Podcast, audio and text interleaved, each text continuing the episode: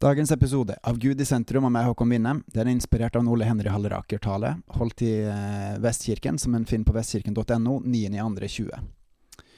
Det jeg har lyst til å snakke om, det er å komme inn i Guds verden. I Romerne 14, 7-8 står det, For ingen av oss lever for seg selv, og ingen dør for seg selv. Om vi lever, så lever vi for Herren, og om vi dør, så dør vi for Herren. Enten vi da lever eller dør, hører vi Herren til.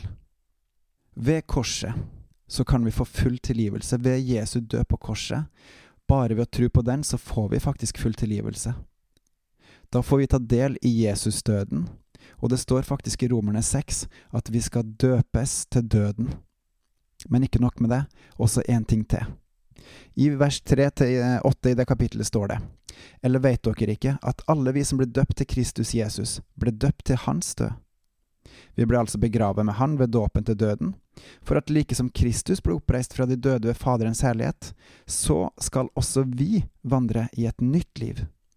For er vi blitt forenet med Han ved en død som er lik hans død, så skal vi også bli det ved en oppstandelse som er lik hans oppstandelse. Vi vet at vårt gamle menneske ble korsfestet med Han for at syndelegemet skulle bli tilintetgjort, så vi ikke lenger skal være slaver under synden. For den som er død, er rettferdiggjort fra synden. Men døde vi med Kristus, da tror vi at vi også skal leve med Han. Ved Jesu død på korset så er vi frikjent, vi er fullstendig fri i Hans død. Og gjennom den så får vi også et nytt liv, som vi skal vandre i. Og som det står i Romerne 14, 7-8, vi lever ikke lenger for oss sjøl, men vi lever for Han. Vårt liv tilhører Han. Han har gitt oss absolutt alt, og han har satt oss fri fra syndens makt, fra dødens makt sånn at vi ikke lenger skal leve under de maktene som hersker her på jorda. Men nå er vi født inn i Guds rike, og nå skal vi leve under Hans makt, Hans godhet, Hans vilje, Hans kjærlighet, og følge Han. Vår syndige natur er død fordi vi tror, og så er vi oppstått til et nytt liv, et liv for Herren. Som det altså står, så lever vi ikke for oss sjøl, men vi lever for Han. Hvordan ser det ut? Det har jeg lyst til å gi noen eksempler på nå. Hvis du har lyst til å skjønne litt mer av hvordan det ikke ser ut, så kan du f.eks. lese Romerne 6-8. Jeg har lyst til å fokusere på noen andre bibelsteder som trekker fram litt ulike aspekt med livet med Gud, som viser hvilken nåde Gud har kalt oss inn i. Den ene er Kolosserne 2, vers 1-3. Jeg vil at dere skal vite hvor hardt jeg kjempa for dere og dem i Laudikea, og for alle andre som ikke har sett meg. Det jeg ønsker for dem, er at de skal få nytt mot, bli knytta sammen i kjærlighet og nå fram til hele rikdommen av overbevisning og innsikt, så de kan fatte Guds hemmelighet, som er Kristus.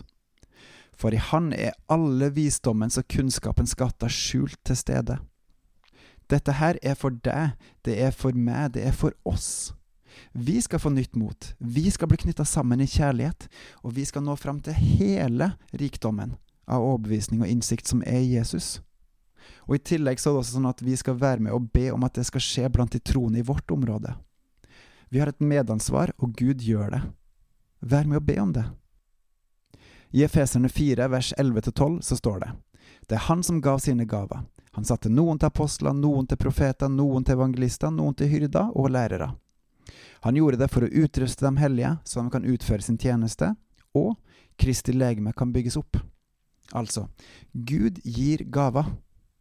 Formålet med det er rett og slett at de hellige skal kunne gjøre tjeneste, og at menigheten, Guds menighet, skal bygges opp. Den menigheten som består av alle de som tror, alle de som Gud veit tror.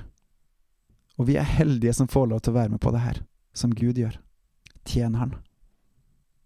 Det tredje bibelverset trekker fram med Galaterne 6, vers 1-2. Brødre, dersom noen blir grepet i et feiltrinn, må dere som lever Ånden, merk Den hellige ånd, vise Han til rette men gjør det med varsomhet, og pass dere sjøl, så ikke du også blir frista. Nummer én. Brødre vil gjøre feil. Alle gjør feil, både folk som tror og ikke tror. Alle gjør feil. Bli ikke overraska. Hjelp og støtt i stedet. Og den andre, det er de som lever ved Ånden, Den hellige ånd, som skal rettlede. Hvor hørte du om det her sist gang? Samme her. Det fjerde og siste bibelverset jeg vil trekke fram, er Romerne 8, vers 13 pluss eh, vers 16 og 17. Men hvis dere ved ånden dreper kroppens onde gjerninger, skal dere leve. Altså, vi skal drepe kroppens onde gjerninger. Vi skal overvinne kroppens onde gjerninger, vår onde natur. Og heldigvis skal vi ikke gjøre det alene, for vi skal gjøre det ved Ånden, som bor i oss, som virker i oss, som lever i oss og vil hjelpe oss til å vokse med Gud, som vil hjelpe oss til å vokse i helliggjørelsen. Så gjør det sammen med Den hellige ånd.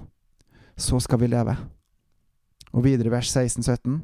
Ånden selv vitner sammen med vår ånd og sier at vi er Guds barn. Men er vi barn, da er vi også arvinger, så sant vi lider med Han. Så skal også vi få del i herligheten sammen med Han. Vi er Guds barn, både vår egen ånd og Guds ånd. Vitne bekrefter det. Og når vi er barn, så er vi arvinger. Vi skal arve Guds rike. Vi skal få alt som er i Guds rike. Det er vårt. Bare ved å tro. Det vil bli litt lidelse i det, men vi skal få del i Hans herlighet sammen med Han, både nå og når vi kommer hjem. Hvilken mektig og nådig Gud vi har, som gir oss alt dette, og som vet at livet er mangfoldig, og at vi vil gjøre feil, og samtidig har et medansvar om å ta oss av hverandre. Og som også som vet at vi trenger støtte, vi trenger forbilder, vi trenger folk som går foran, og som gir oss gaver for at det skal skje og som også gir oss løftet om at vi skal få nytt mot, bli knytta sammen i Jesus kjærlighet og nå fram til hele hans rikdom, og at vi også er faktisk hans arvinger fordi vi er hans barn, og at vi skal få del i alt dette her, at vi skal få del i herligheten sammen med han. Takk, Gud, for at du gjør alt dette her for oss. Takk. Helt til slutt har jeg enda en gang lyst til å trekke fram Bebels, fordi jeg tror det er et greit verktøy for å vokse med Gud. Bygg Guds rike, Be, elsk, les, lytt og sammenvoks. Les Bibelen og se hva Guds vilje er, og lev det der du er. Og oppi alt det her, vær frimodig. Du er tilgitt. Du er hans. Og du har faktisk ingenting å være redd for. For du er Guds sønn, du er Guds datter. Vi er Guds barn. På gjenhør.